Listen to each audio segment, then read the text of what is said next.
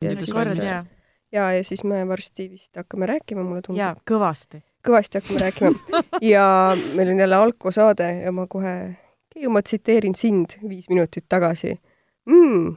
alkohol mulle meeldib ja alkoholisurmad ei meeldi. ja selline huvitav kooslus on ju. ma proovin nüüd nuppu vajutada. vajuta, vajuta.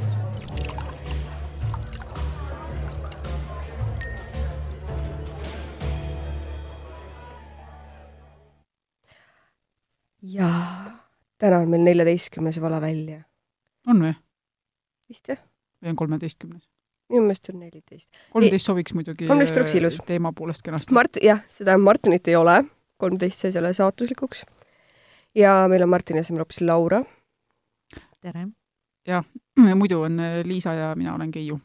ja me lubasime eelmises saates, et me räägime seekord siis äh, noh, nagu Keiu siin juba ütles, just alkoholisurmadest, mis erinevalt alkoholist meile ei meeldi. kuidas juua alkoholi niimoodi, et ei sureks ära ja kuidas teha sellist alkoholipoliitikat, et võimalikult palju inimesi jääksid ellu ja mitte ainult ellu, vaid ka terveks.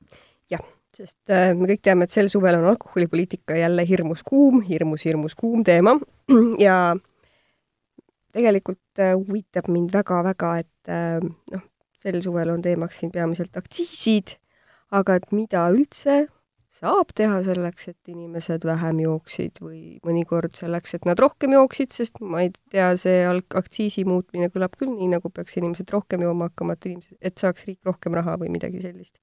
rohkem Eestis jooma. ühesõnaga hirmus keeruline teema, aga, aga see, millele me üritame viidata, on see, et me üritame otsast hakata lahti harutama eh, seda, mis puudutab eelpool viidatud, kuidas inimesed elus hoida.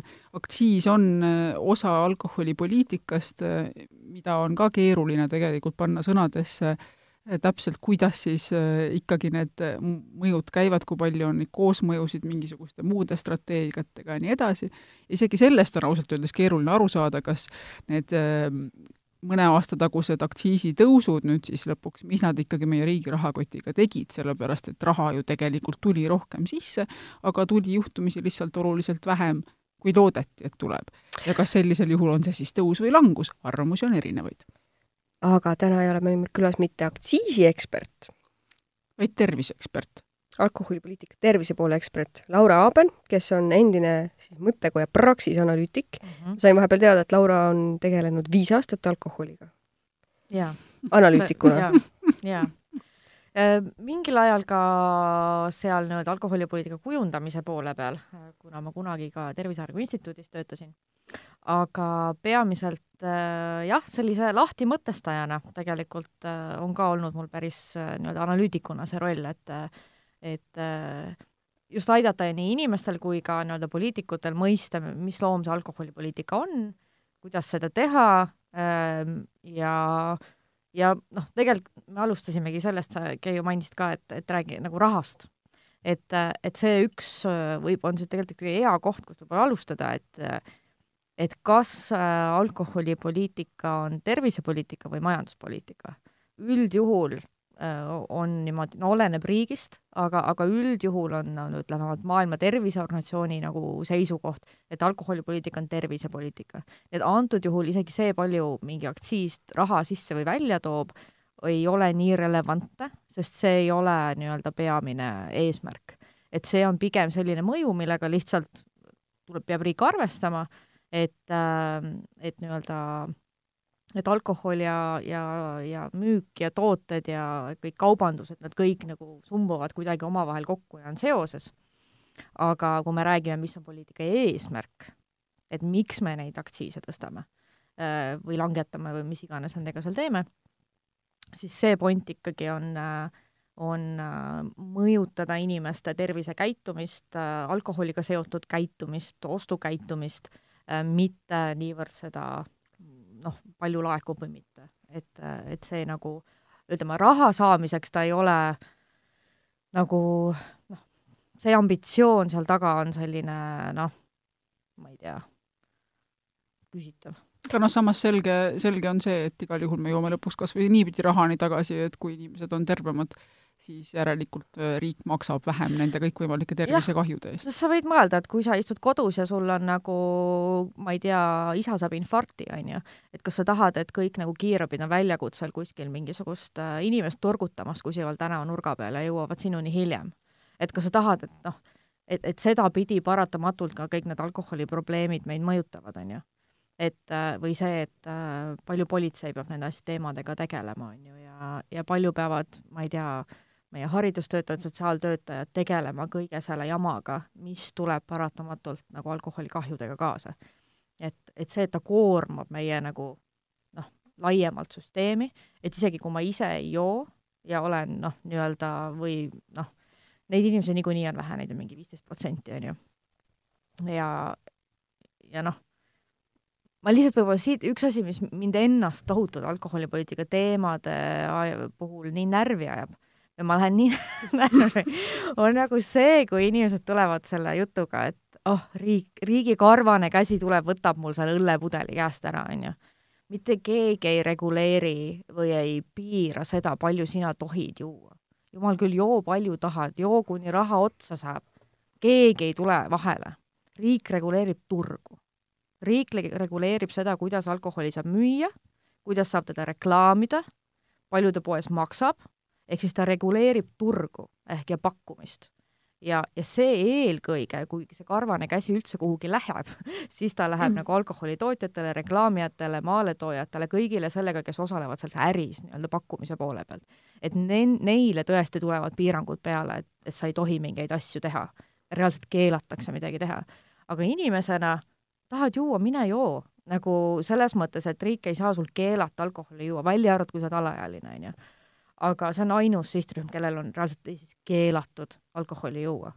Keiu, kontrollküsimus sulle. esimesest juulist langesid aktsiisid, kas see on mõjutanud sinu tarbijakäitumist? aktsiisid ei ole mõjutanud minu tarbijakäitumist, lisaks kõigele muule eelistan ma neil päevil peamiselt veini, mida ei mõjutanud see mitte kuidagi mm. -hmm. mitu korda sa Lätis oled käinud? Lätis ei ole käinud äh, sel ajal kohe üldse. Ja kui käiksin, siis käiksin tõenäoliselt millegi muu pärast, kui tead, ma pean, ei, ma pean ausalt ütlema, äh, ainsad korrad, kui ma olen Lätist üleüldse alkoholi ostnud, on, on see olnud tõesti siis, kui ma olen käinud äh, Riia vanalinnas ja tõenäoliselt olen mõnda sealsesse kohvikusse maha istunud. Mm.. sest mis puudutab kogu seda piirikaubandust, siis isegi kui ma viitsiksin ära tuua sellised kastitäied alkoholi, et see päriselt minu rahakotile oleks soodne, siis see koht võib olla minu jaoks isegi see, mis, kus ma tõepoolest mõtlen, et noh, kas või patriotismi poolest, et nii palju ma alkoholi küll ei joo, et ma ei võiks oma makse Eestile anda, et ma pigem jätaks nad ikkagi siia. aga et me jõudsime, läbi käis see märksõna, mis on võib-olla üks esimesi asi, mis, asju, mis meelde tuleb, kui me räägime alkoholipoliitikast ja siis tuleb sinna kohe juurde see, et keelatakse ära mm. -hmm. see on ka selline ajaloos ma alati küsin, mis asi?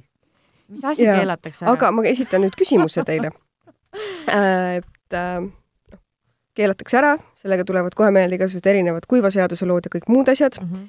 ajad, äh, millal me oleme siin ka rääkinud sellest, kuidas Ameerika, Ameerikas näiteks, et paljud suurepärased kokteilid on alguse saanud erinevate kuivade seaduste ajal, sellepärast et seda eriti halba alkoholi, mida siis oli võimalik tarvitada, selle maitset tuli kuidagi varjata ja nii edasi. aga ma küsiks teilt, et millal Eestis viimati kui seadus oli? No see on see klassikaline Gorbatšovi asi või? see on tüngaga küsimus. kuiv seal. mis Aha, mõttes? kas äh, karskus liikumine ja vabadusliikumine äh, vabadus aga see ei ole ju sead-. ühesõnaga, me räägime siin kuivast seadusest eriti nagu ülekantud tähenduses, et me ei, seda ei pruugi, noh, kuiva seaduse all sellises igapäevakeeles me mõistame aega, millal ei tohi alkoholi tarvitada õigemini, millal ei tohi alkoholi müüa, sest tegelikult ongi ju, isegi kuiv seadus ei saa mingit tarvitamist ära keelata. kümnest kümneni või? tegelikult no põhimõtteliselt kümnest see on ka variant jah. aga selline natukene, kus ka kümnest kümneni ei saanud. kus oli natukene ulatuslikum, ütleme, see puudutabki siis alkoholi jaemüügi keeldu. kas aprillirahutuste ajal või? jep ja, ja, ja. noh, peaaegu ja, ja, ja siis ja keelati mm. -hmm. sündmus, millel on nagu sellisel, ütleme, kaasaegsel alkoholipoliitikal oma jälg. jah, kusjuures nagu aga ma arvan, et see ei ole nagu sellesse Eesti nagu ajaloo ja kultuuriloosse nii sügavat jälge jätnud, sest ma, ma nagu olin täiesti selle ära unustanud ja seda vähemalt äh, siis PR-firmad on otsustanud, et nad sellises äh, oma niisuguses alkoholipoliitika narratiivi loomes nad seda nii palju ei kasuta, et äh, kuigi meenutab see selgelt, et alkohol on väga tugevalt seotud meie igasuguse vägivalla ja liiklussurmade statistikaga. liiklussurmad on vähenenud, aga aga sellest hoolimata ma nüüd täpselt ei oska seda protsenti öelda, aga, aga, aga see protsent oli muljetavaldav, mis ikkagi joobes neid õnnetusi toimub. jaa. ja vägivallajuhtumitega samamoodi, vist mm, -hmm. vist ikkagi valdav enamus äh, kõikvõimalikest toime pandud vägivallategudest on sooritatud äh, pigem suurema kui väiksema joobe all mm. -hmm. ütlesimegi ju teise lemmikteemani lisaks alkoholile vägivald mitte küll teostaja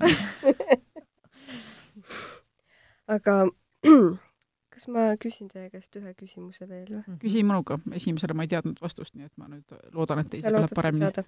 see, et alkoholi tarbimise reguleerimises peaks kohe appi võtma sellise korraliku keelumehhanismi, sellest oli kõvasti juttu ka siis, kui Eesti Vabariik loodi mm. -hmm.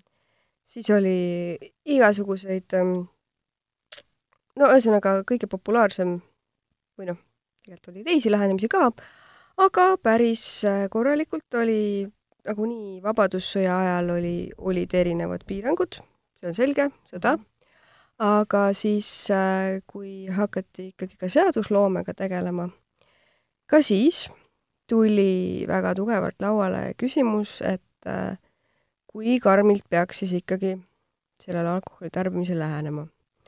ja karsklaste surve Asutava Kogu komisjonidel oli väga tugev ja arvati, et äh, no vot, kas peaks nagu absoluutselt piirama, ka, ka täiesti absoluutne piiramine oli laual äh,. või siis äh, lähenemine siis muidugi alko-, alkoholi kasutati ka, kui seal läheneti sellele ka majanduslikult, et toota piiritust, millest teatud hulk müüa välis, välisriikidesse riigikassa tulude suurendamiseks. Ja siis mingi hulk müüa siis siseturul. ja siin oli siis selline tore väga selge ettepanek, et äh, noh, siseturul võiks äh, seda müüa siis tšekkide alusel või talongide alusel ja asi oleks nagu kindlalt reguleeritud. aga siin oli äh, üks feministliku võitluse koht. Hmm.. vaata, kuidas seda teile kenasti esitada. Hmm.. siin oli üks feministliku võitluse koht. Äh, valitsuse eelnõu arutamisel muide selgus, et seal oli tšekisüsteemi pooldajaid oli väga palju. Äh, loomulikult oli siin äh, puskari ajajate ja, ja siis karskusliikumise vastane, selline omavaheline vastasseis mm. -hmm. ja, ja keeluseaduse pooldajad tahtsid taotleda rahvahääletust ja kõike, kõike muud, aga siis äh, üks äh, väga kõige ootamatum käik vähemalt nagu ajakirjanduses kirjeldatult, üks väga ootamatu käik, mille tegi sotsiaaldemokraat Minni Kurs-Olesk, kes äh, esines nõudmisega, mis äh, tekitas omajagu hämmingut meestes. mis nõudmine, mis see nõudmine võis olla? kui küsimuse all oli et talongid antakse naiste kätte või? see on väga hea pakkumine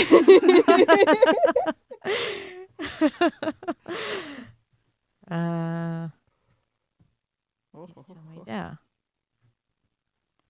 hmm.. no see oli väga lahe. vihjet. noh, et tal naistele ka ikka midagi jaguks.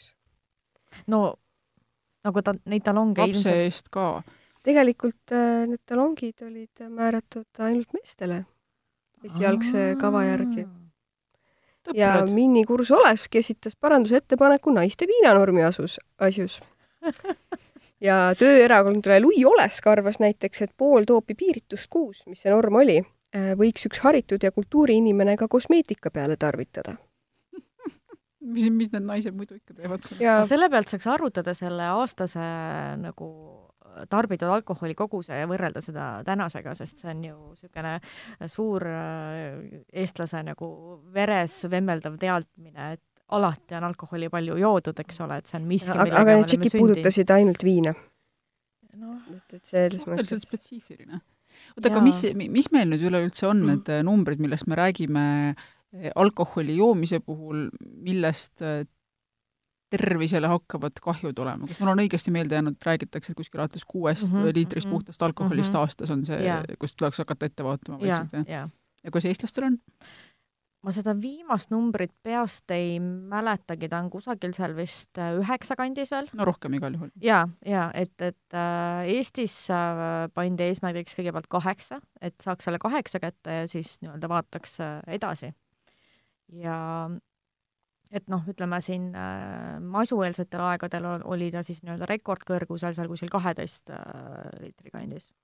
ehk siis äh, noh, võib-olla need numbrid iseenesest ei ütle nagu otseselt midagi, sest selle numbriga on väga raske kuidagi mõista, on seda siis palju või, või vähe, aga noh, võib-olla kui mõelda, et mis on siis nagu ajaga muutunud, kui me mõtleme oma vanemate peale, oma vanavanemate peale, et justkui on see nagu arusaam, et alati on nii palju joodud ja ma ei tea, lapsed ja alaealised ja kõik, kõik on kogu aeg jo joonud, et see on miski nagu, millest me ei saa üle ega, üle ega ümber. aga need andmed, mis meil äh, Eestis äh, on, nendest me teame, et äh, et noh, nii palju, kui see kaksteist liitrit ei olnud Eestis kunagi, ei ole kunagi joodud, et, et ta varem pigem oli seal nelja-viie peal, ütleme, kui me räägime en-, ütleme niisugust nelja, viie, kuue, seitsmekümnendad kuskil seal Nõukogude ajal. ja, ja siis vaikselt äh, tõusid äh, ajapikku, siis selle kuiva seaduse Gorbatšovi ajal, siis nad jälle langesid ka sinna kuskile kuue peale ja siis jälle tõusid nagu edasi. et äh, ja et, et selles mõttes see ei ole niimoodi, et Eesti norm on mingisugune ma ei tea, kümme liitrit et, et, et, et see tuleb ära juua. jah, et see tuleb ära juua. geenides. jaa ja noh, selles mõttes, mis vahet seal on, palju tšehhid joovad, on ju, või, või mingid prantslased, on ju, et meie elame siin ja meie kahjud on siin, eks ole. ja, ja siin on võib-olla ka mingisugune selline arusaam, et, et nagu kuskil Prantsusmaal või Itaalias ei oleks üldse mingeid alkoholikahjusid, mis on ka täielik jama. Et seal on ka väga palju alkoholikahjusid, need kahjud on teistsugused. et seal on väga palju, kui me räägime mm, raseduse ja, ja naiste tervisega seotud kahjusid äh,, äh, vähki äh,, noh, kõik sellised, mis on ka kroonil, ütleme, järjepideva ja pideva alkoholi tarvitusega seotud kahjud, et need, need on ka seal olemas. lihtsalt neil ei ole selliseid asju nagu uppumised, õnnetused, peksmised, noh, kõik sellised asjad, sest nad ei, seal on nagu kultuuriline norm äh, on selline, et purju ei jooda. et inimesed sekkuvad äh,, su lähedased sõbrad sekkuvad, et kui sa hakkad vaikselt purju jääma et see on nagu niisugune kollektiivne vastutus selle üle, et, et, et meie kultuuriruumis jälle on see, et joomine on väga individuaalne asi. see on su oma asi, kus su piir on, palju sa jood ja kui sa ennast kuskil nagu kännuämblikuks jood, see on su oma asi. et nagu, sest noh, me oleme ka selles no, kultuuri niisuguses nagu keskkonnas, kus teiste asjadesse sekkumine ei ole okei okay.. ja kui hästi läheb, siis miinus kahekümne viie kraadiga mõni junnisõber paneb su takso peale. jah, kui hästi läheb, on ju, aga see on ka siis, kui sa oled juba tõesti käpuli et see ei ole nagu see, et äh, nii-öelda, et noh, meie sekkume siis, et ära lase purjus sõppa, ma ei tea, rooli või ujuma, on ju, mitte see, et sekku juba siis, kui sa näed, et kuule, jõu, et võta klaas vett vahele, on ju, et sa oled juba nagu, hakkad juba minema liiga ülemeelikuks, eks.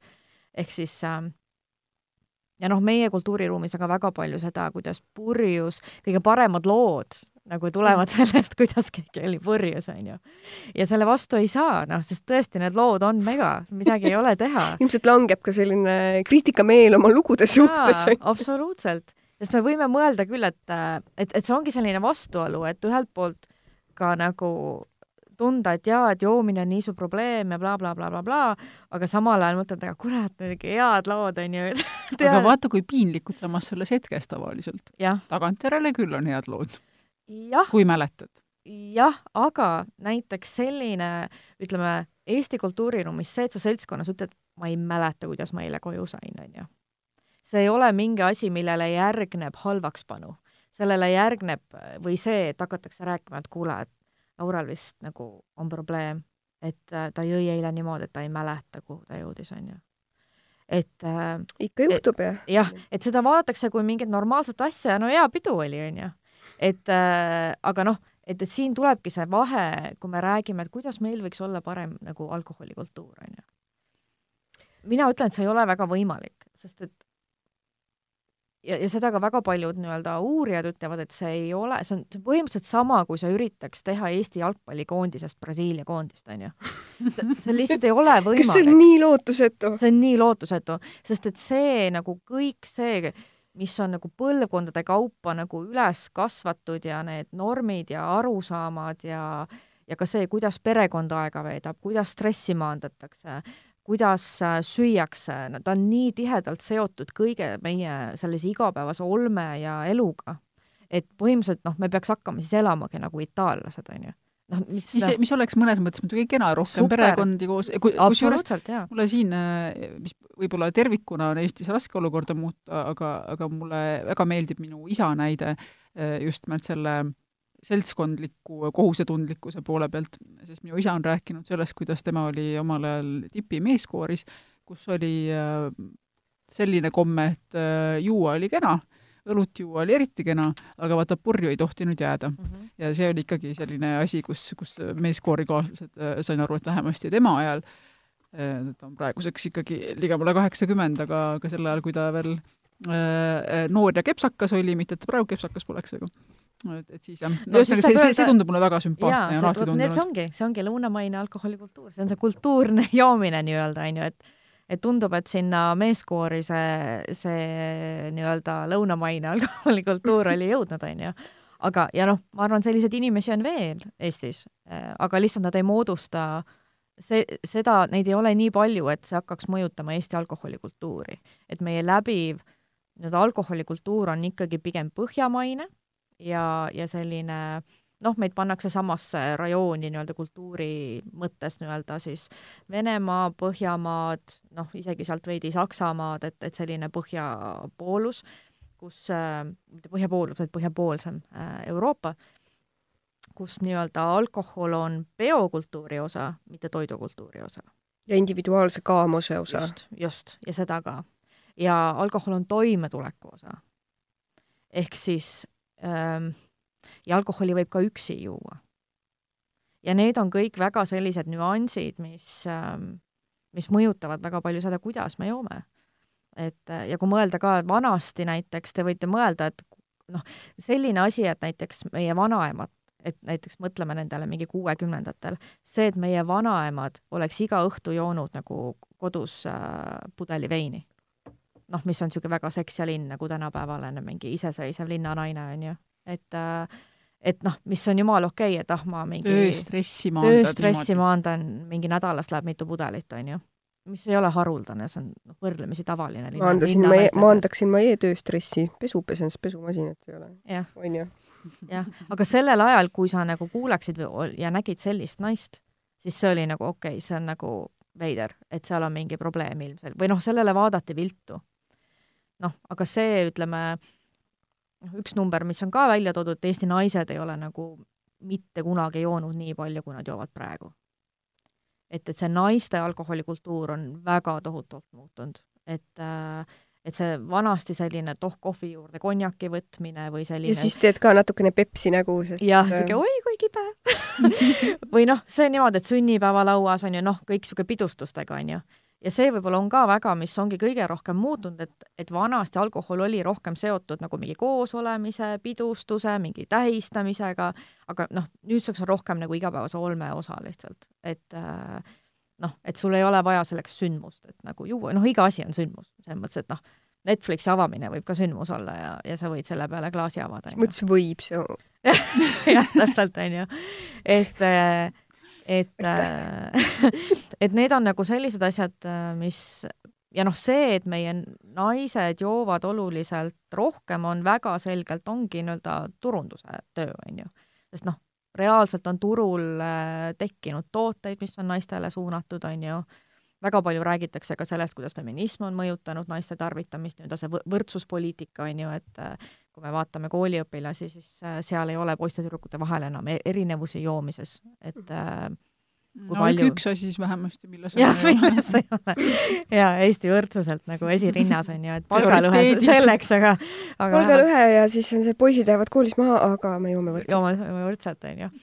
et äh, ja noh, tegelikult kogu see narratiiv täpselt sellest iseseisvast naisest, kes noh, me, me kõik võime silmad kinni panna, ette kujutada sedasama nagu narratiivi, kuidas tuleb, ta on kuskil linnas, tuleb koju, on ju, avab veini, lööb jalad seinale, võtab raamatu või avab Netflixi, on ju. et noh, et see on mingisugune niisugune kujutelm sellest, mis on nagu normaal, milline on olla normaalne naine kahekümne esimesel sajandil, on ju.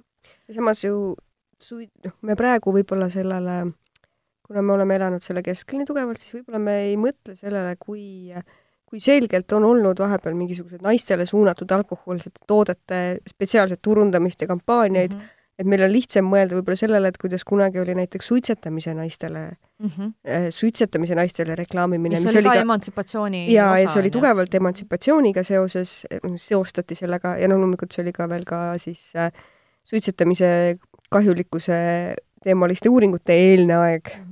Korralikke selliste mida me kõik oleme näinud jällegi Mad Menist, eks ju. jaa, absoluutselt, aga ma ütlen, et et olles ise nagu läbinisti teadusinimene, siis ma arvan, need ei ole need kohad, kus nagu see loeb, mida uuringud ütlevad mm, -hmm. selles mõttes, et meie, kes me nii-öelda poliitikaid kujundame, kõik noh, seal jah, on oluline, et sa tead, mis, kuidas toimub, et sa oskad neid asju nagu planeerida.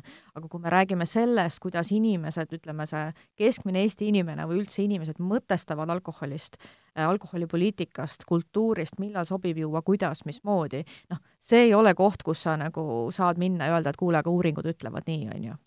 et noh, uuringud ütlevad ka see, et sul ei ole pointi oma lapsele anda nagu alkoholi maitsta ja proovida, kuigi kavatsused on head, sest et uuringud ütlevad, et on statistiliselt oluliselt suurem tõenäosus, et tal tekivad äh, alkoholiprobleemid ja sõltuvusprobleemid, kui sa seda teed, on ju. ja noh, aga me, meil pole noh, uuring uuringuks selles mõttes, et vanemad teevad seda ikka, Äh, sellepärast parem las proovib kodus, kui jah, ja, ja see on nagu läbiv nagu ka uskumus ka üle Euroopa. jaa, sest noh, et mulle anti, näe, mina olen normaalne, onju. aga noh, mine küsi selle nagu Vello käest seal poe taga, onju, äkki talle anti ka. et selles mõttes, et see noh, see, et valim üks mina, et see ei ole mingisugune näitaja, eks ole. aga, aga noh, see ongi see, et lood on alati tugevamad ja niisugused nagu põlvest põlve või nagu kollektiivselt räägitud lood öö, on oluliselt sellised tõenavõetavamad kui ükskõik mis, mis uuring. siinkohal lugemissoovitus Daniel Kahnemani Thinking fast and slow, mis ja. räägib just nimelt äh, kõikvõimalikest sellistest äh, möödamõtlemistest, äh, mida ja. me oma, uskudes oma intuitsiooni korda saadame iseenda kahjuks. kuule, mul on ettepanek vahepeal, sest mulle nii meeldib see kõll, laseks seda kõlli ja siis pärast seda tahaksin küsida lihtsalt äkki konkreetselt lihtsalt rääkida mõne lausega ära, kus see Eesti alkoholipoliitika mis see, mis see algus oli, millised mõtted olid ja mis edasi sai? jah, ja siis me tahame ju seda ka teada, et kas, kuidas seda siis tegelikult, kuidas siis tegelikult kuidas siis tegelikult tehakse? mida, mida siis teha saab? oodake, uue, ma kohe, mul on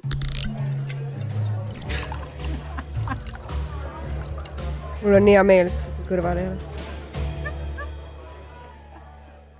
see on ilus. suvalisi nuppe. mul on väga hea meel, et äh, ma võin mõne teise kõlliga lasta, kui tahate. Väga... see, ma nägin, üks kõll oli mingi imelik riiksatusega, ma ei tea, mis saate omas on. siin on pere ja kodu. kas te tahate pere ja kodu kõlli? mina tahaks, kas võiks korraks panna, ma ei tea, mis pere ja kodu kõll on. Äkki see on hoopis mingi muu asi. pahandab siis või? kui see on väga kole, siis me paneme kohe kinni. jah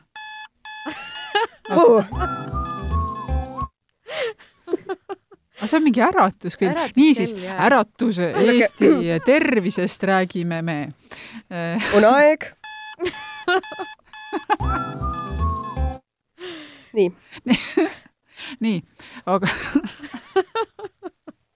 Laura, räägi, kuidas, mis see Eesti praegune alkoholipoliitika, millest see alguse sai, oskad sa umbes natukene kaardistada? Äh, võib-olla kõige huvitavam selle asja juures on see, et Eesti alkoholipoliitika sai alguse umbes niisugune mm, kaks tuhat kümme äkki, ehk siis äh, mõeldes sellele, milline on Eesti ajalugu, siis reaalselt, reaalselt esimene riiklik dokument, mis on nagu, nagu kus strateegiliselt mõeldi läbi, mida me selle alkoholiga teeme. reaalselt tuli kuskil kaks tuhat kümme, üksteist hakati seal tegema. ehk siis see on väga-väga värske ähm, samamoodi reaalselt Eestis äh, alles praegu viimased neli-viis aastat on reaalselt alkoholiravi, alkohol, nagu alkoholi liigtarvitamise ravi, mis on ka, mõeldes, et me pidime kahekümne esimesse sajandisse enne jõudma ja siis veel mingi kümme pluss aastat elama, enne kui me hakkasime näiteks ka mingeid kaasaegseid raviteenuseid arendama, et inimesed, kellel on alkoholiga probleem, saaksid mingit muud abi, kui lihtsalt äh, minna Wismarisse ennast läbi loputama ja siis minna tagasi tsüklisse, on ju. et äh, noh, et selles mõttes Eesti alkoholipoliitika on väga sellistes lapsekingades äh, ja sellel on ka omad põhjused, et, et kui Eesti iseseisvaks sai, siis ta oli niisugune uus avanev turg äh, Äh, kapitalismi avanesime kapitalismile, tuli Longero, tulid asjad, et äh, tulid äh, välismaised alkoholi suurfirmad, kes ostsid siin ilusti Saku ja Tartu õlletehase ilusti ära ja hakkasid tegema Eesti alkoholipoliitikat. nii et põhimõtteliselt võib öelda, et niisugune esimesed kaks kümnendit Eestis alkoholipoliitikat tegi Carlsberg ja, ja siis riik jõudis kuskil seal kaks tuhat kümme, üksteist kaksteist umbes ka midagi tegema hakata, äh, kui leidus poliitikuid, kellel on äh, mune hakata vastu äh, suurtele hiidudele nagu Carlsberg, kelle, kes nii-öelda on nii mõnegi Euroopa poliitiku karjääri väga järsult ära lõiganud ja nagu näha, siis lõikasid järsult ka Ossinovski ilusti nagu, nagu maha, et, et see, selles mõttes sellel on ka omad põhjused, miks alkoholipoliitika on nii, nii palju kisa tegev teema sest ta on väga nii-öelda, väga vastandlike huvidega, huvide konfliktiga poliitika. et, et kus nii-öelda riigi või poliitikute ja, ja ametnike ekspertide, terviseekspertide vastas on suurepärased suhtekorraldajad ja, ja suurepärased tohutult suured eelarved ja väga suur nii-öelda kogemus äh, suurte jah, Carlsbergi ja muu, muu sarnaste firmade näol, et et selles mõttes Eesti jah äh,, alkoholipoliitika ajaloos on nagu ähm, on Carlsbergi ajastu ja siis ja, on äh, ja, Eesti, Eesti riigi ajastu. jaa ja see kusjuures ei ole ka selline asi, mis on nagu mingisugune saladus või midagi, et, et seda on ka nii-öelda alkoholitootjad nagu ise öelnud, et, et esimese osa, suure osa alkoholireklaami seadusest nad kirjutasid ise, alkoholitööstus.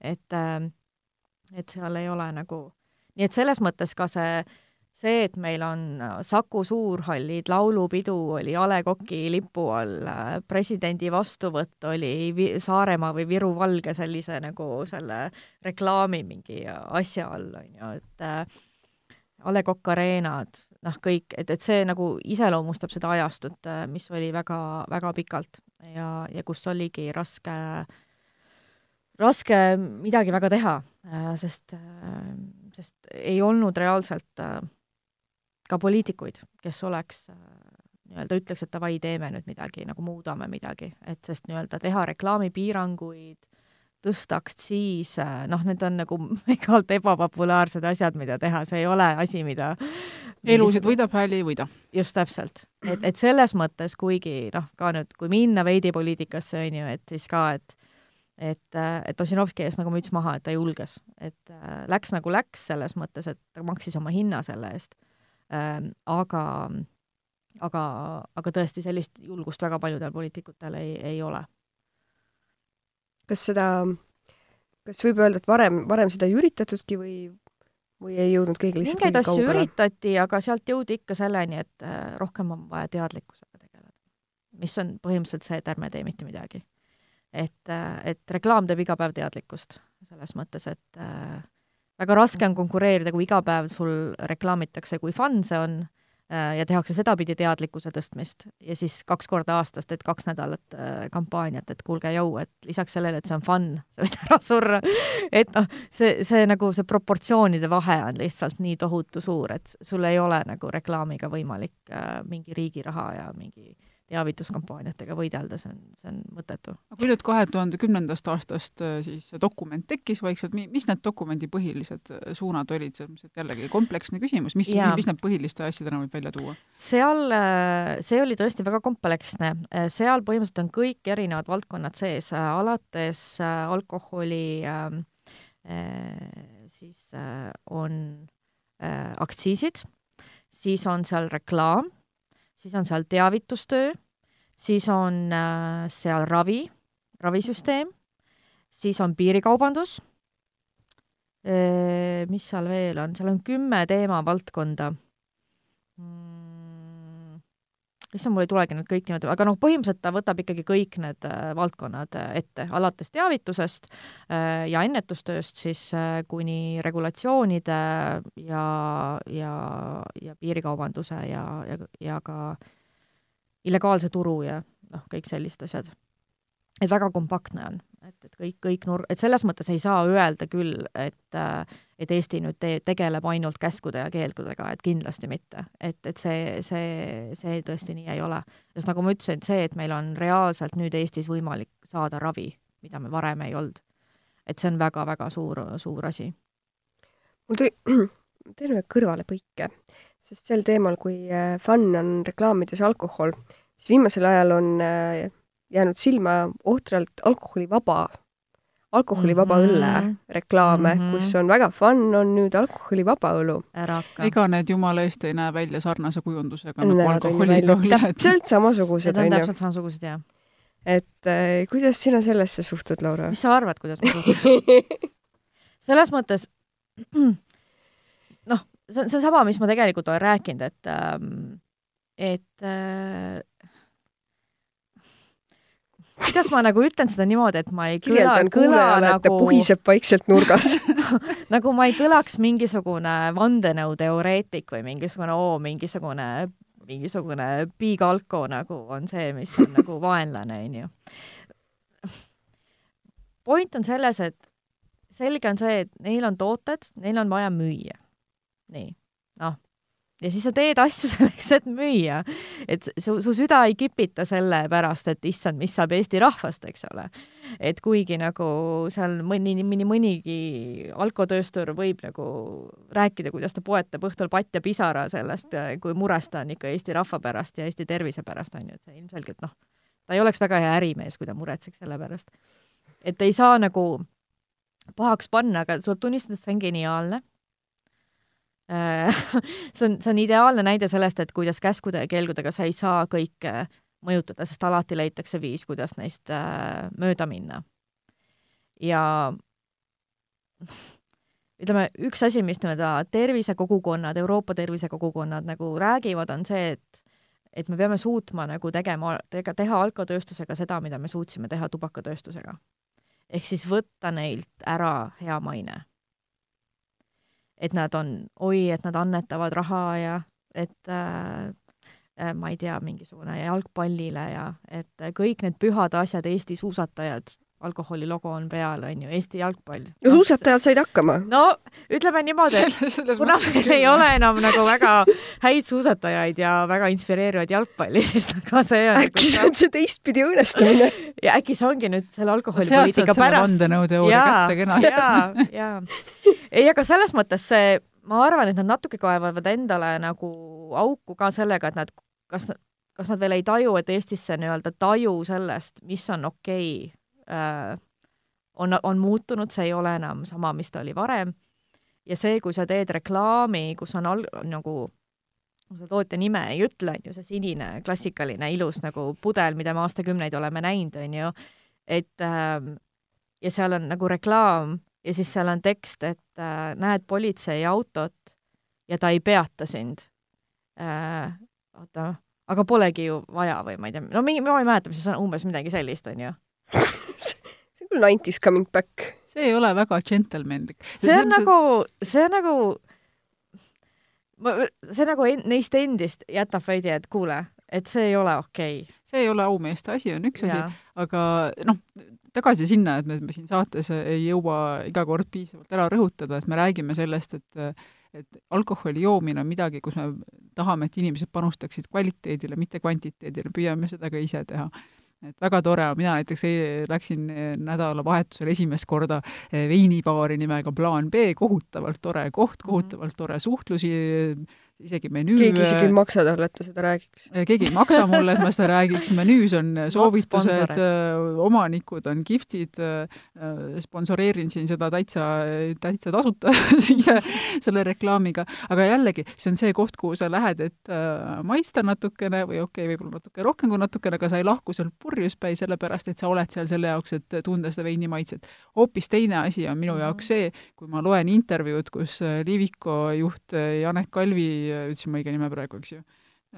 räägib sellest, kuidas Welcome to Estonia märk, märgiks sobib väga kenasti see, kuidas on Eesti-Soome laevadel odav alkohol mm. -hmm. ei, mina ei taha, et Welcome to Estonia märk oleks odav alkohol mm. -hmm. ma tahan, et inimesed taipaksid nautida ägedaid maitseid ja sellega kaasnevaid eh, sedasorti elamusi, aga mitte seda, et inimesed tõmbaks ennast täis ja soomlased teaks, et siia on hea tulla, sest welcome, meil on odavad mm -hmm mingisugused õllehinnad ja tõenäoliselt, ja kõik need õllehinnad, mis on odavad, need tõenäoliselt ei ole veel ka kvaliteetsed õlled ja need on ikkagi ne-, neist jookidest räägime, mida enamasti ei tarbita maitse nimel. Siin on ka nagu võib-olla see, et kust nii-öelda niisugused terviseinimesed tulevad, et noh, selles mõttes, et etanool on etanool on etanool, on ju, selles mõttes, et et noh, kui sa jood mingisugust, ma ei tea, mis mingi kaheksateist kraadist näiteks veini, on ju, siis vahet pole, kas ta nagu maksab mingi nelikümmend eurot või neli eurot, on ju, et noh, su keha ei tee selles mõttes vahet, on ju, et su maks, maks ei ole nagu jess, et see tuli hea hind karton. karton, on ju, et noh, selles mõttes, et äh, noh, mis ma arvan nende puhul on oluline, on see, et nad võib-olla kannavad endas mingisugust teistsugust joogikultuuri, et äh, et mis oludes sa, kuidas seda jood, eks ole. aga jällegi, seda me kuuleme ka rääkimas nii äh, Eesti Sommelierde Assotsiatsiooni esimeest Kristjan mhm. Markiid mm -hmm. igal pool, et ei, me, me ei taha, et inimesed jooks palju ja see ei ole meie ja, sõnum jah, aga vot see ongi, et, et siin ongi asjal on mitu külge, et samas jälle, kui me vaatame, et see on iseenesest väga äge, et veinikultuur areneb, on ju, kõik väga tore, teisalt, kui me näeme seda, et, et sellega kaasneb ka see, mitte otseselt selle kultuuriga, aga see, et sa paned selle nii-öelda sellesse Eesti konteksti, kus meil on need inimesed ja see olustik ja see kultuuriline ruum, kus on mingid asjad normaalsed, mingid käitumised mingid mitte, siis selles mõttes jälle, kui me tuleme tagasi selle naiseni, kes kodus seda veini joob, on ju, siis ta võib-olla ka on selle veini valinud vaata ta üritab näpuga minu pool, mina, mina joon üldse väga vähe äh.... mina armastan veini juua, ma kohe ütlen ära. et äh, no, ma armastan ka. ja, ja see ei tähenda seda, et ma ei tohi alkoholipoliitikast rääkida, tohin küll, isegi kui ma ise veini joon.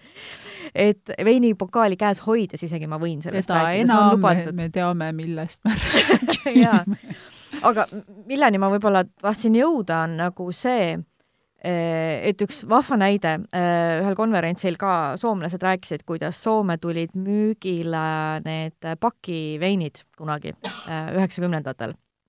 Need on need, et paned selle paki ja siis sa saad sealt nagu noh mm, -hmm. väga ohtlik kraam, sa ei tea kunagi, palju sa jood. jaa, kraan on seal, on ju ja, ja see tuli ka nii-öelda, et oo, et toome soomlastele, veini maaletoojad olid hullud seal, oo, toome soomlastele lõunamaist veinikultuuri selline onju.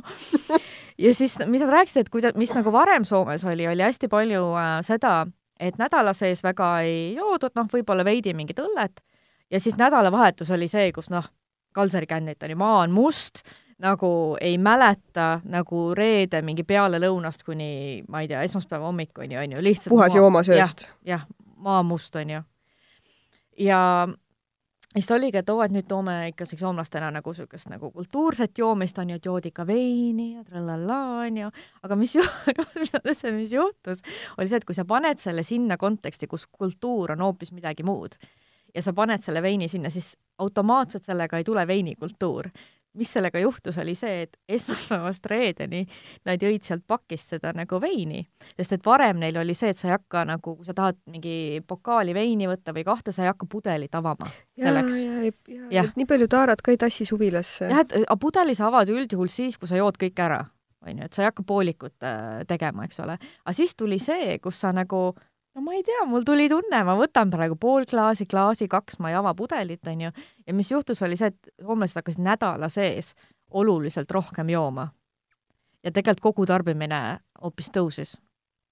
et, et ainuüksi nagu ka toode ise ei saa nagu seda nii-öelda kultuurimuutust äh, tekitada, vaid see noh, tuleb alati arvestada, et mis see nagu kontekst on ja ma arvan, sellise põhjamaise, noh, ma arvan, soomlastega me oleme väga sarnased selles osas et äh, meil on väga palju niisugust, niisugust põhjamaist ängi ja, ja eemalhoidmist ja me ei oska suhelda ja, ja, ja see alkohol on kuidagi see sotsiaalne libesti nii-öelda, et ta nii-öelda annab meile loa ennast väljendada, rääkida, olla kuidagi tänane ette... saade toimub muide Mullivee taustal. Mullivee taustal, jaa. et äh, et kui sa nagu alkoholi paned sinna konteksti ka veel, kus meil on väga palju vaimse tervise probleeme, noh, et, et seal ta hakkab elama mingit muud elu ja, ja, ja sellepärast ka seda kultuuri muuta ongi nii raske, et sa pead Aga selle arvestama. mida siis saab teha, millega saab päriselt mõjutada seda, meil on meil ju on näiteid äh, ju jah, naabermaadest, meil on muidugi väga negatiivseid meil on endal ka alkoholi tarbimine vähenenud. jah, aga selles mõttes, et ma ega selles mõttes äh, ütleme, tervisepoliitika seisukohast vaadataksegi noh, sest kui inimene, meie siin igaüks vaatame oma elu, oma sõpruskonda, siis me vaatame noh, et mis me sealt näeme väga indiv-, indiviidi nagu tasandil, on ju. aga riigi tasandil sa vaatad nagu kogu rahvastikku, et su eesmärk on see, et nagu kogu tarbimine väheneks.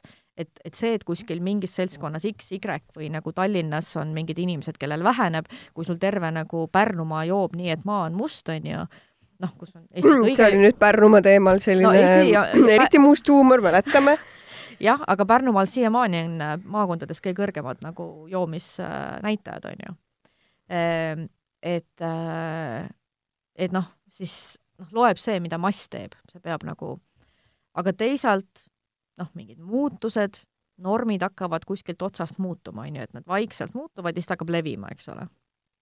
et mulle tundub, et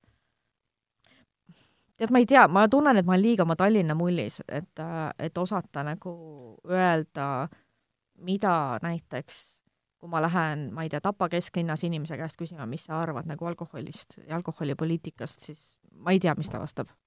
aga mõtlen, kui me korraks võiksime äkki vaadata neid naaberriikide näiteid või noh, lähikonnas, ütleme, sarnase kultuuriga riikide näiteid, et kui paljude asjade kohta me ei oska midagi öelda, aga näiteks äh, kas või ma arvan, et üks väga palju tsiteeritud äh, viimase, viimasel ajal on olnud näiteks Sotsiaalministeeriumi blogis, kui mhm. Triinu Täht kirjutas mm -hmm. rahva tervisest, siis ta tõi seal näiteks, äh, näiteks Soome ja Taani, mis mõlemad äh, ajal, kui nad vähendasid alkoholiaktsiise, siis Soomes, kui Soome vähendas alkoholiaktsiisi kolmandiku võrra, siis tulemusena tõusis alkoholi müük Soomes seitse protsenti, noh, lisandus muidugi Eestis sisse toodud alkohol, kogutarbimine tõusis kaksteist protsenti, alkoholisurmade arv tõusis aastaga seitseteist protsenti. Äh, ühesõnaga, need kõik, kõikvõimalikud kohutud asjad, Taanis äh, taanlased vähendasid alkoholiaktsiisi kahel korral, kahe tuhande kolmandal, kahe tuhande viiendal aastal, ja kuigi kogutarbimises suurt muutust ei täheldatud, tõusis alkoholimürgitusega haiglasse sattunute arv kakskümmend kuus protsenti, see on siis kõik otseselt blogist, mis ta kirjutas. et selliseid näiteid meil on. jaa, ja siin tegelikult äh, mulle meenub üks äh, kunagise ühe Šoti kolleegi äh, ütlus, mis mul on väga hästi meelde jäänud äh,, kes, kes äh, šotlased äh, on selles mõttes, nad ajasid niisugust väga huvitavat asja, et äh, nad kehtestasid, nad said Šotimaal kehtestatud läbi Euroopa Liiduga sõdides väga pikalt alkoholi miinimumhinna. mis on see, et sul on alkoholi ühikule miinimumhind, kui palju ta võib maksta. või vähemalt, kui palju ta peab maksma.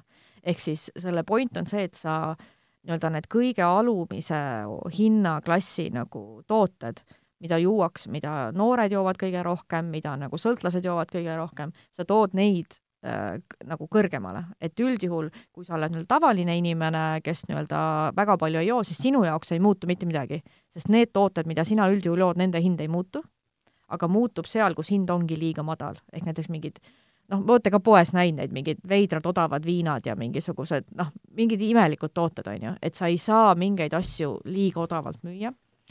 Ja siis ma mäletan ka kuskil äh, seminaril nad rääkisid ja siis keegi küsis ka, et noh, aga mis sellest ikka nagu kasu on ja ja see hind üldse ja, siis ta ütles väga hästi, et et jah, et, et hind ei mõjuta seda, kas nagu mingi, mingi vello on nii-öelda tsüklis või ei ole.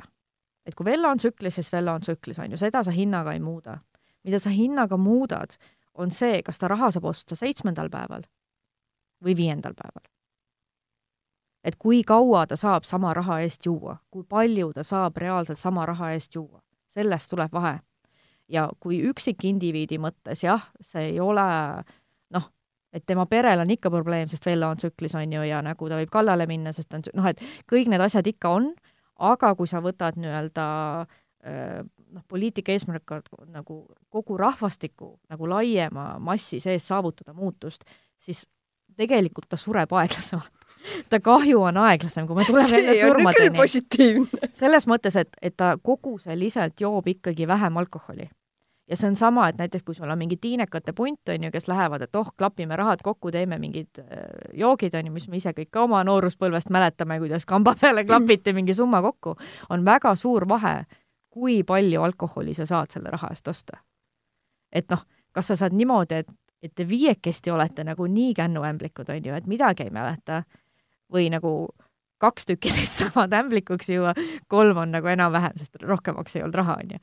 et noh, seal on ikkagi nagu need mõjud nagu tulevad äh, sisse. siin äh, vahepeal veel täiesti teistest numbritest, mida minu meelest ka ei ole kunagi palju üle rõhutada, millegipärast kogu aeg räägitakse praegu aktsiiside puhul sellest, et kui nüüd aktsiisi langetatakse, siis justkui imepäraselt läheksid need hinnad tagasi mm -mm. Samale tasandile, kus nad on olnud. ja tegelikult korduvalt on ajakirjandus kirjutanud, mulle tundub, et see on ikkagi läinud mingil põhjusel radari alt läbi, on see, et tegelikkuses ei ole olnud aktsiisi äh, mitte kunagi need reaalsed hinnad kooskõlas, et kui ma mhm. nüüd jällegi toon konkreetsed numbrid, siis äh, samuti Sotsiaalministeeriumi blogis sellest samasest Triinu mm -hmm. Tähe artiklist. aitäh, Sotsiaalministeerium ka ei sponsoreeri meid muide Äh, ka ei sponsoreeri jah, aga küll aga on väga tänuväärne materjal, ma igaks juhuks loen siit ka ette mm -hmm. lihtsalt, et oleks mõned konkreetsed numbrid. kahe tuhande seitsmeteistkümnenda aasta suvel tõusis õlleaktsiis varasemaga võrreldes äh, järsult, ligi seitsekümmend protsenti, absoluutarvudes äh, tähendas see et, et viieprotsendilise õlle pooleliitrise pudeli kohta oli tõus kolmteist koma viis senti. koos aasta alguse aktsiisitõusuga kokku kakskümmend senti kui palju õlled siis tegelikult oli tõusus, no umbes viiskümmend senti, seda on rohkem kui kaks korda enam mm -hmm. kui aktsiisitõus.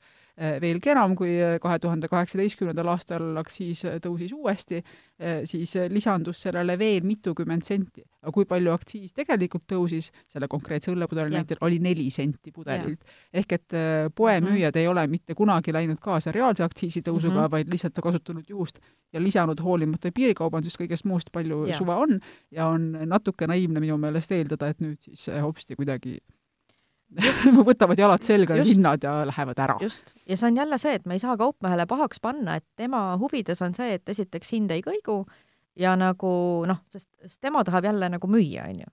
ja noh, tema ettevõtjana see ongi nagu täitsa okei okay,, et tal niisugune nagu eesmärk on, ta ei teeks väga halba äri, kui ta, noh, ta võiks sotsiaalse ettevõtte asutada, kui tal muud huvid on, on ju.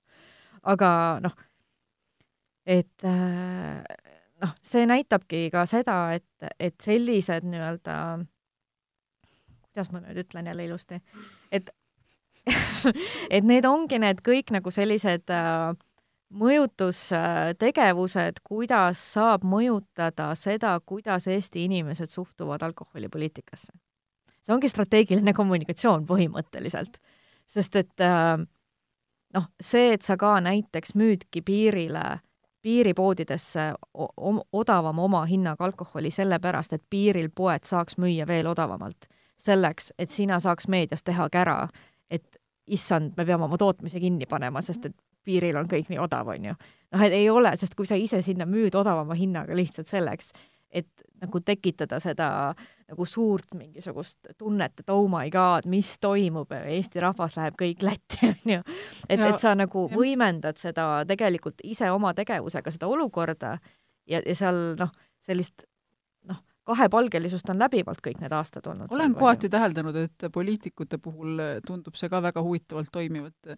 Mm, jällegi konkreetseid nimesid nimetamata, aga olen korduvalt täheldanud, et on äh, poliitikuid, kes räägivad, kuidas nemad lähevad Lätti alkoholi ostma, sellepärast mhm. et meil on äh, nii halvasti praegu selle aktsiisitõusuga ja justkui siis äh, ma ei tea, kas protestiks või kättemaksuks ja samal ajal räägivad needsamad poliitikud, kuidas nad tahavad Eestit paremaks tuua ja, Eesti nimel ja nii edasi, ja, ja minul on küll lihtsalt väga raske, üks, ükskõik, kellest siis jutt käib, see ei pea olema üldse poliitik, ükskõik mm -hmm. milline inimene, kellel tegelikult ei ole probleemi osta seda alkoholi ka Eestist. -hmm. raha, rahaliselt, jah, kellel ei ole sellist probleemi. Mhm. see ei tekita tema rahakotti auku, kui ta tahab nii väga seda Eestit paremaks luua, miks ta siis annab selle raha Lätile, mitte et mul oleks kahju, jumala eest, las lätlased äh, rõõmustavad nii palju, kui neil on, neil on vaja ka majandusarengut ja nii edasi. aga siit, kui te panete tähele, siin lihtsalt ongi jälle see, et me, see huvitav on see, et kuidas aastate jooksul ka sellest alkoholist on tehtud niisugune rahvusliku narratiivi nagu osa et see on nagu mingi osa eestlusest, on alkoholipoliitika me elame kõik hind. nagu suured Saaremaa viinareklaami ja. osalised. mis on väga mis saab viinatestides suhteliselt halbu kohti veel mainida jaa, aga, aga selles mõttes, et see, et me tunneme, et kuidagi, et meil on mingi rahvuslik õiglus või, või õigus äh, tun-, saada nagu odavat viina. mi-, mi-, mis on ka nagu mõeld-, et kuidas see üldse on eestlusega seotud, nagu mismoodi? on sel suvel üsna palju küsimusi tekitanud ja. jah, et, et, et ma ütlen ka, et see on ka mingi asi, mis on tegelikult äh, nii-öelda ehitatud või noh, nii-öelda see, see kuvand nagu loodud, et, et, et kõigi nende aastate pikkuse selle Carlsbergi alkoholipoliitikaga on ju. see on ilus väljend. jah et et, et me kuidagi näeme sealt seda nii tiheda seoses meie rahvuslusega ja rahvuslus on eestlastele väga oluline asi ja poliitikuna sa pead olema väga ettevaatlik, kui sa lähed surkima midagi, mis on inimestele väga-väga oluline. aga ma jõudsin, mul tuli nüüd meelde veel üks asi, mis meil on väga-väga oluline, et noh, meil on väga-väga oluline, et, et ähm, soomlased, needsamad soomlased, see meid ühendavad valged no, laevad. sa ütled, et meil on oluline vabadus ei, soomlased, äh, kes käivad siin alkoholi ostmas ja siis miskipärast äh, olime meie üllatunud, et oi, meie inimesed lähevad Lätti, kui meie oleme arvestanud oma majanduse osaks seda, et soomlased meilt ostavad yeah,. Yeah. et minu meelest see oli ka üsna hämmastav ikkagi. minu jaoks see oli nagu selline karma is a bitch nagu moment, äh, sellepärast et nagu aastaid, kui palju aastaid Soome nagu valitsus käis Eestile, et please tõstke aktsiise, noh et nad tahtsid seda, noh et, et noh, inimesed käivad teie juures alko-, odavat alkoholi ostmas, see on probleem, palun tulge vastu, onju. jah, nüüd ongi, noh ja nüüd me oleme solvunud, kui Läti hakkab ja, meiega ja nüüd Läti teeb meile sama, et ja. nagu ei ole hea tunne, on ju.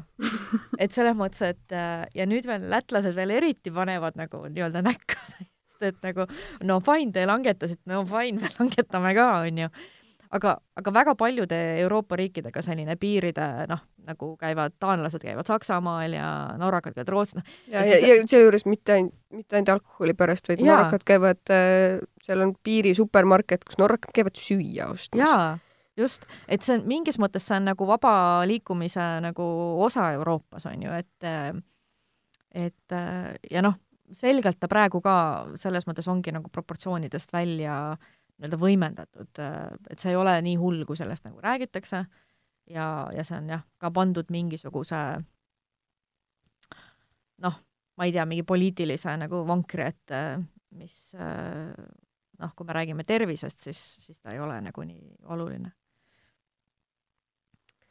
kusjuures Läti äh,, mulle tundub, et äh, ma nüüd räägin, kuna me tahame kõik isiklikke asju rääkida -hmm. siis mulle tundub, et äh, selle Läti alkoholi selle kõige võimendamise juures, selle Läti alkoholiralli juures, tegelikult mul on väga palju tuttavaid, kes käivad praegu regulaarselt Lätist alkoholi ostmas mm. -hmm.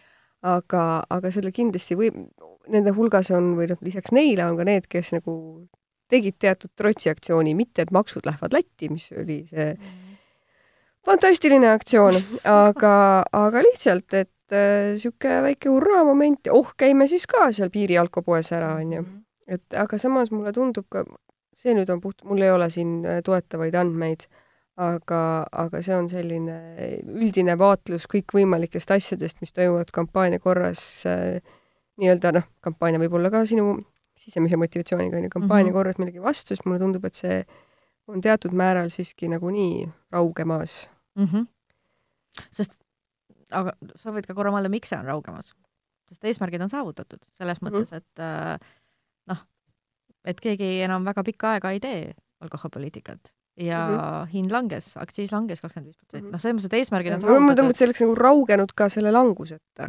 sest nat-, ta raugenud sellepärast, et see tõus oligi kunstlik mm. -hmm. selles mõttes, et see oli võimendatud läbi nii-öelda suhtekorraldusliku töö mm, -hmm. mis veel kord nagu tekitas mingi, täiesti mingi sotsiaalse liikumise, on ju, mis äh, ja, ja nüüd, kui sellega on oma eesmärgid saavutatud, siis ei ole vaja seda võimendada enam ja siis, kui see kunstlik võimendus ära võtta, siis sa saadki aru, et ega siin ei olegi väga midagi. et ta langebki väga, nagu kukubki ära, sest noh, see ei olegi päriselt nagu nii-öelda loomulik mingisugune inimeste reaktsioon või liikumine olnud.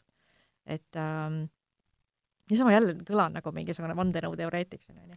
meil Aga... on siin üldse täna aeg-ajalt kõlab see tänane saade niimoodi, et siin on meil niisugused temperance movement'i preilid aga ühi-, selles mõttes, et äh, see on ka minu meelest nagu niisugune silt, mis alati nagu pannakse külge, et kui sa nagu tahad rääkida alkoholi kahjudest või et oo, et äkki ei peaks kõik nii megaliberaalne olema, et siis sa kohe oled nagu see mingi karklus, mingisugune, ma ei tea, mis asi, onju.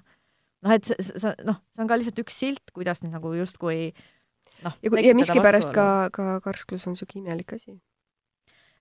üldkäsitluses on ju. jaa, ongi. Ja sest ta ei ole norm, ta on nagu normist väga suur kõrvalekaldumine ja noh, mis ma arvan, et hakkab veidi nagu muutuma. Ja noh, mis ma veel tahtsin nagu öelda, et enne kui vaata, kui ma ütlesin sulle ka, et, et mis on eestlastele oluline. Sa ütlesid soomlased. No see on nagu vabadus.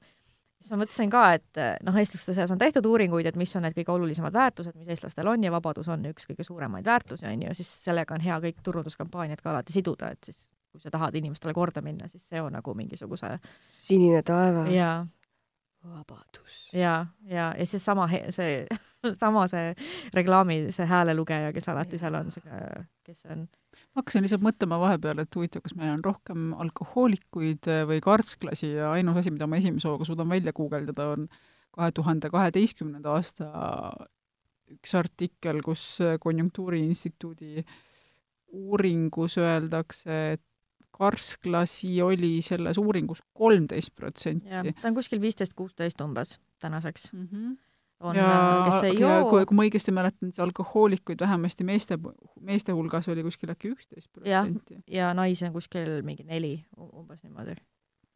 jah, et noh, ta tuleb nagu sama palju, nagu kaks nagu äärt, on ju. et, aga mis ma tahtsin selle vabaduse kohta öelda, oli, oli ka see, et hästi palju nagu mulle tundub, et selles alkoholi nii-öelda debatis või selles vestluses räägitakse meile, et meilt võetakse ära nii-öelda vabadus juua või ise teha valikuid või mingite käskude ja keeldudega tahaks, tahetakse kuidagi meid äh, hullult meie vabadusi piirata, aga teisalt, kui mõelda äh, sedapidi, et kui palju, kui palju sul on Eestis tegelikult vabadust mitte juua? Et, et see noh, ma olen ka seda, noh, ise ma kunagi tegin päris pikka, peaaegu kaks aastat nagu perioodi, kui ma üldse ei joonud, mis tipnes sellega, et mu sotsiaalne võrgustik lagunes koos põhimõtteliselt.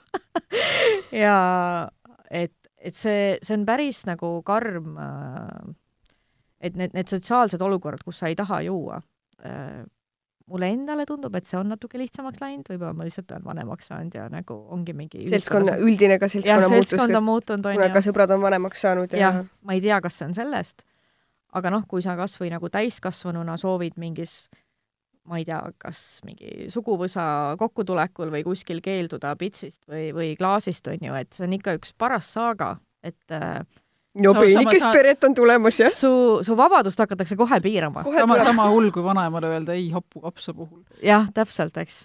ja nüüd kujuta ette, sa oled mingisugune kolmteist või neliteist ja siis see sotsiaalne surve tuleb, et ma täiskasvanuna, mul on raske selle survega toime tulla, onju.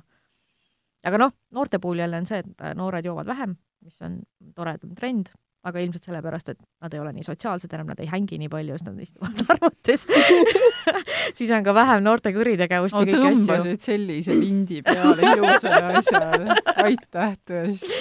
jaa, et noh, positiivseid asju on ka, noh, et see on niisugune nagu oota, aga mis see viimaste aastate trend nüüd ikkagi on? eestlastel joomi, joomine meil ikkagi nüüd, jällegi vahepeal, mis puudutab kõike seda suhtekorraldust või igasugust erinevat infot, siis vahepeal minul läks küll juba segaseks, kõigepealt tuli uudiseid, et eestlaste joomine on ikka pigem kasvanud, siis tuli uudiseid, et ikkagi on nagu vähenenud või mis see, mis see tegelik info on? mis nagu, kui pikas perspektiivis sa vaatad?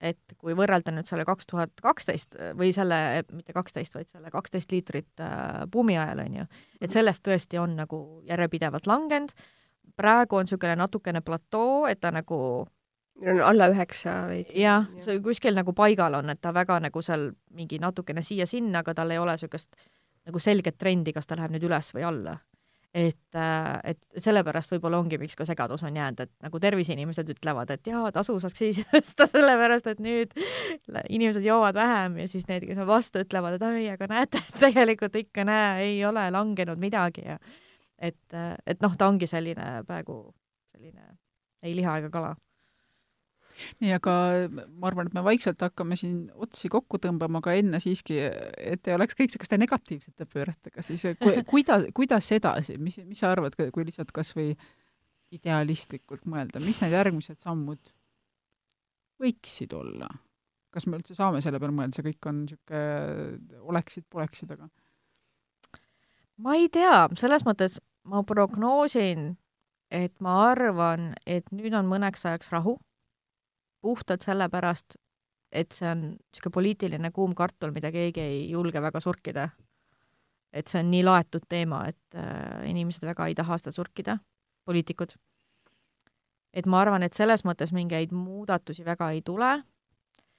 ma, mis mõnes mõttes on okei okay,, sest et päris paljud suured muudatused on ära tehtud, mida väga pikka aega taheti teha, ehk siis nagu reklaam on rangem, äh, müügikohad on rangemalt reguleeritud, noh, see hind nüüd, noh, okei okay,, vähemalt jääb nagu äkki seisma, et ta vähemalt enam rohkem ei lange.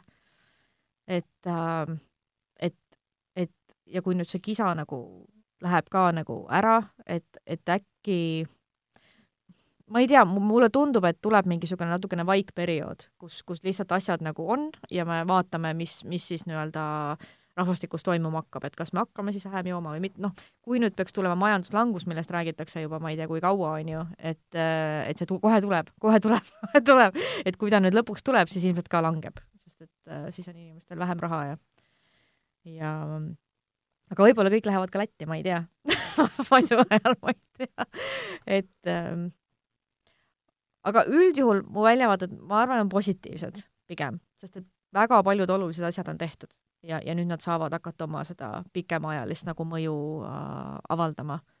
et äh, ja kuna nagu noorte trendid on ka pigem nagu noh, alkoholi mõttes positiivsed, vaimse tervise mõttes halvad, siis äh, noh, potato, potato on ju, et noh, et et äh, ja noh, pigem on ka, ma arvan, see hea, et nagu poliitikapildis hästi palju tähelepanu rohkem läheb vaimsele tervisele, mis on ka pikka aega olnud niisugune teema, millest me Eestis väga ei, me räägime märkamisest, aga kui sa nüüd märkad ära, siis sul ei ole kuhugi nagu minna või suunata, sest abi saada ei ole. ehk siis see on selline natuke märka ja ära tegutse põhimõtteliselt. märka vaest. märka vaest, jah. et äh, et, et ma arvan, et see pigem, ma loodan, et saab selliseks nagu uueks suureks äh, teemast, et me räägime rohkem sellest äh, vaimsest tervisest ja seeläbi äkki ka rohkem sellest, et kas alkohol on see kõige lihtsam ja odavam viis, kuidas oma nagu muremõtetega ja üksinduse ja niisuguse depressiivse eluga nagu toime tulla.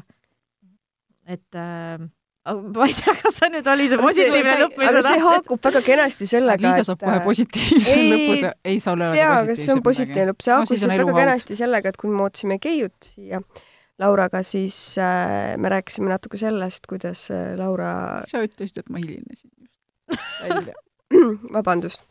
kui me siin Lauraga olime, sest Keiu jõudis õigeks ajaks, aga teie lihtsalt juhtumisi olite väga palju varem. siis äh, Laura rääkis, me rääkisime sellest, on ju, et Laura on tegelenud äh, viis aastat alkoholipoliitika teemadega või isegi kauem mm, -hmm. ja, ja sellest, kuidas äh, sinu enda suhtumine sellesse valdkonda on muutunud või mm -hmm. üldse alkoholipoliitikasse mm. -hmm.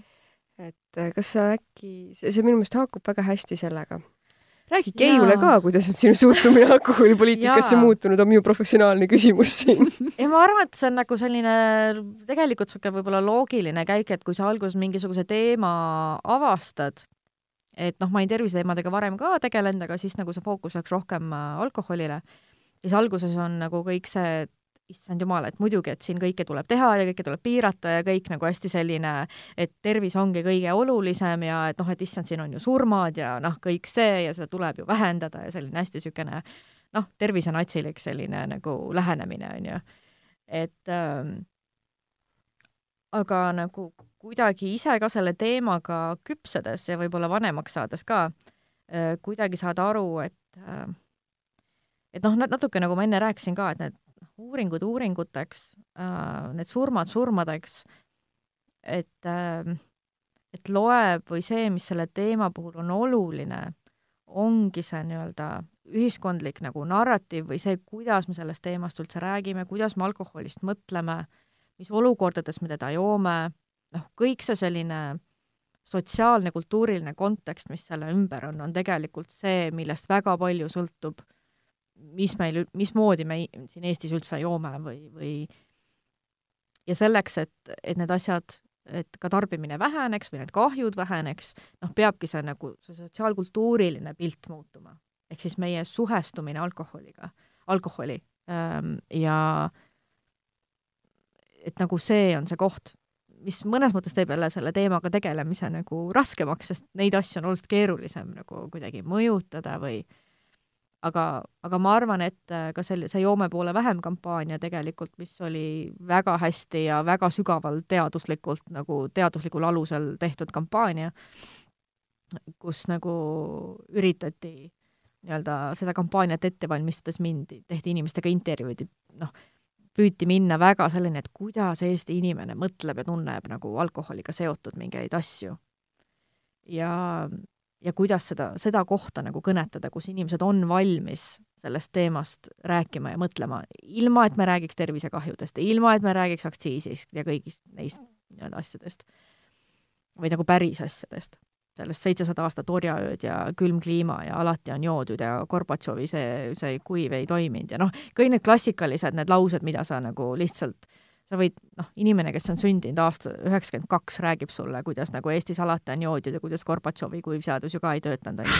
ehk siis see on nagu mingid nagu lood, mida noh, niisugune räägitakse põlvest põlve, mida sa nagu kantakse edasi mingid, et vot, meie nüüd mõtleme alkoholist nii, on ju. et ähm, et see, kui keegi ütleb lood põlvest põlve, siis mul tuleb kohe Saaremaa viinareklaam no, meelde. alati, vaata kui hästi jaa hea reklaam järelikult. jaa, et, et, et selles mõttes see, et see, see joome poole vähem kampaania nagu andis mulle ka nagu usku juurde, et on võimalik seda vestluse tooni või niisugust vestluse suunda, kuidas me räägime alkoholist, muuta. sest et mulle tundub, et, et see päris palju niisuguseid vestlusi ja niisugust ühiskondlikku debatti nagu nihutas natukene mingisse teise suunda või niisuguseks ähm, et, et selles mõttes seda on võimalik teha. et äh,, sest et see on päris keeruline ja aeganõudev. kas see oli nüüd positiivne see lõpunud? oli küll positiivne. eks me ka äkki püüame siin omal moel midagi nihutada. jaa. nii. aga mis me siis teeme, tõmbame kokku, saadame veel Martinile terviseid, kes Martinile on, kes on puhkusel, loodetavasti väga-väga tervislikul. head puhkust, Martin! ma ei tea, mina kavatsen küll puhkuse ajal päris palju veini juua minu kodu juurde on tekkinud üle aastate putka, mis müüb odekolonni. et kui keegi otsib suvepidu, siis ma pärast ütlen oma aadressi Neid on veel müügil või? ma ei tea. ma ei olnud ammu näinud, aga on Sašad, limonid ja muud. Saša on äh, sellisele edumeelsemale persoonile, seal on peal mobiiltelefoniga rääkida. oh jumal küll. okei okay,, nii, me ma postitan pärast äh, vala välja Facebooki. jaa, palun tee seda. postitan ja. vala välja Facebooki ma seda mobiiltelefoniga pilti tahan kindlasti. jaa, ülevaate enda kodu juures olevast putkast pakutavast odekolonnist mm. -hmm. suurepärane. Eh, niisiis pidulikult aitäh stuudiosse tulemast. aitäh kutsumast. Lisaks oli keegi no, ütle mulle ka aitäh. ma tahangi öelda sulle aitäh, Liisa Tagel, sellepärast et seekord ma mõtlesin, et meil kõigil võiks olla ka perekonnanimed ja sina saad öelda siis vastu veel veel minu nime ka. Keiu. no okei okay,, ma jään ühe nimega. ja no Martin jääb ka ühe nimega. nagu Cher, ainult Keiu